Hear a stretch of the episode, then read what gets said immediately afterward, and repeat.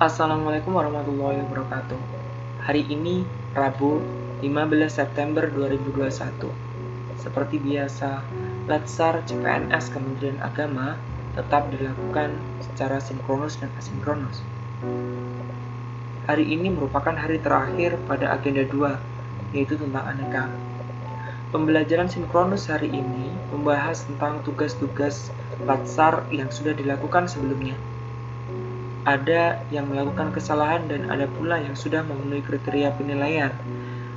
Meski indikator penilaian sudah terpenuhi, tapi masih perlu beberapa perbaikan-perbaikan. Secara asinkronus, ternyata melalui proses belajar mandiri dan diskusi kelompok, banyak nilai-nilai yang kita peroleh dari pembelajaran aneka kali ini. Beberapa kali diskusi membuat kita harus bisa menyesuaikan diri dengan kelompok, yang secara tidak sadar perlu melakukan penyesuaian. Selain itu, ada pesan tersirat yang saya peroleh. Sebagai bagian untuk menjaga etika publik, kita harus komitmen dengan kinerja kita.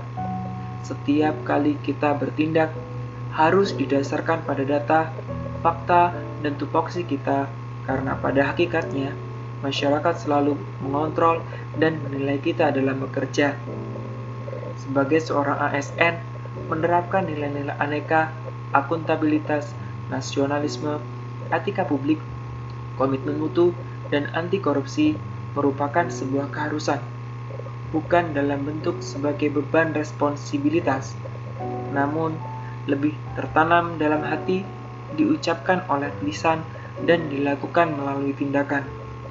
Demikian yang dapat saya pelajari. Wassalamualaikum warahmatullahi wabarakatuh.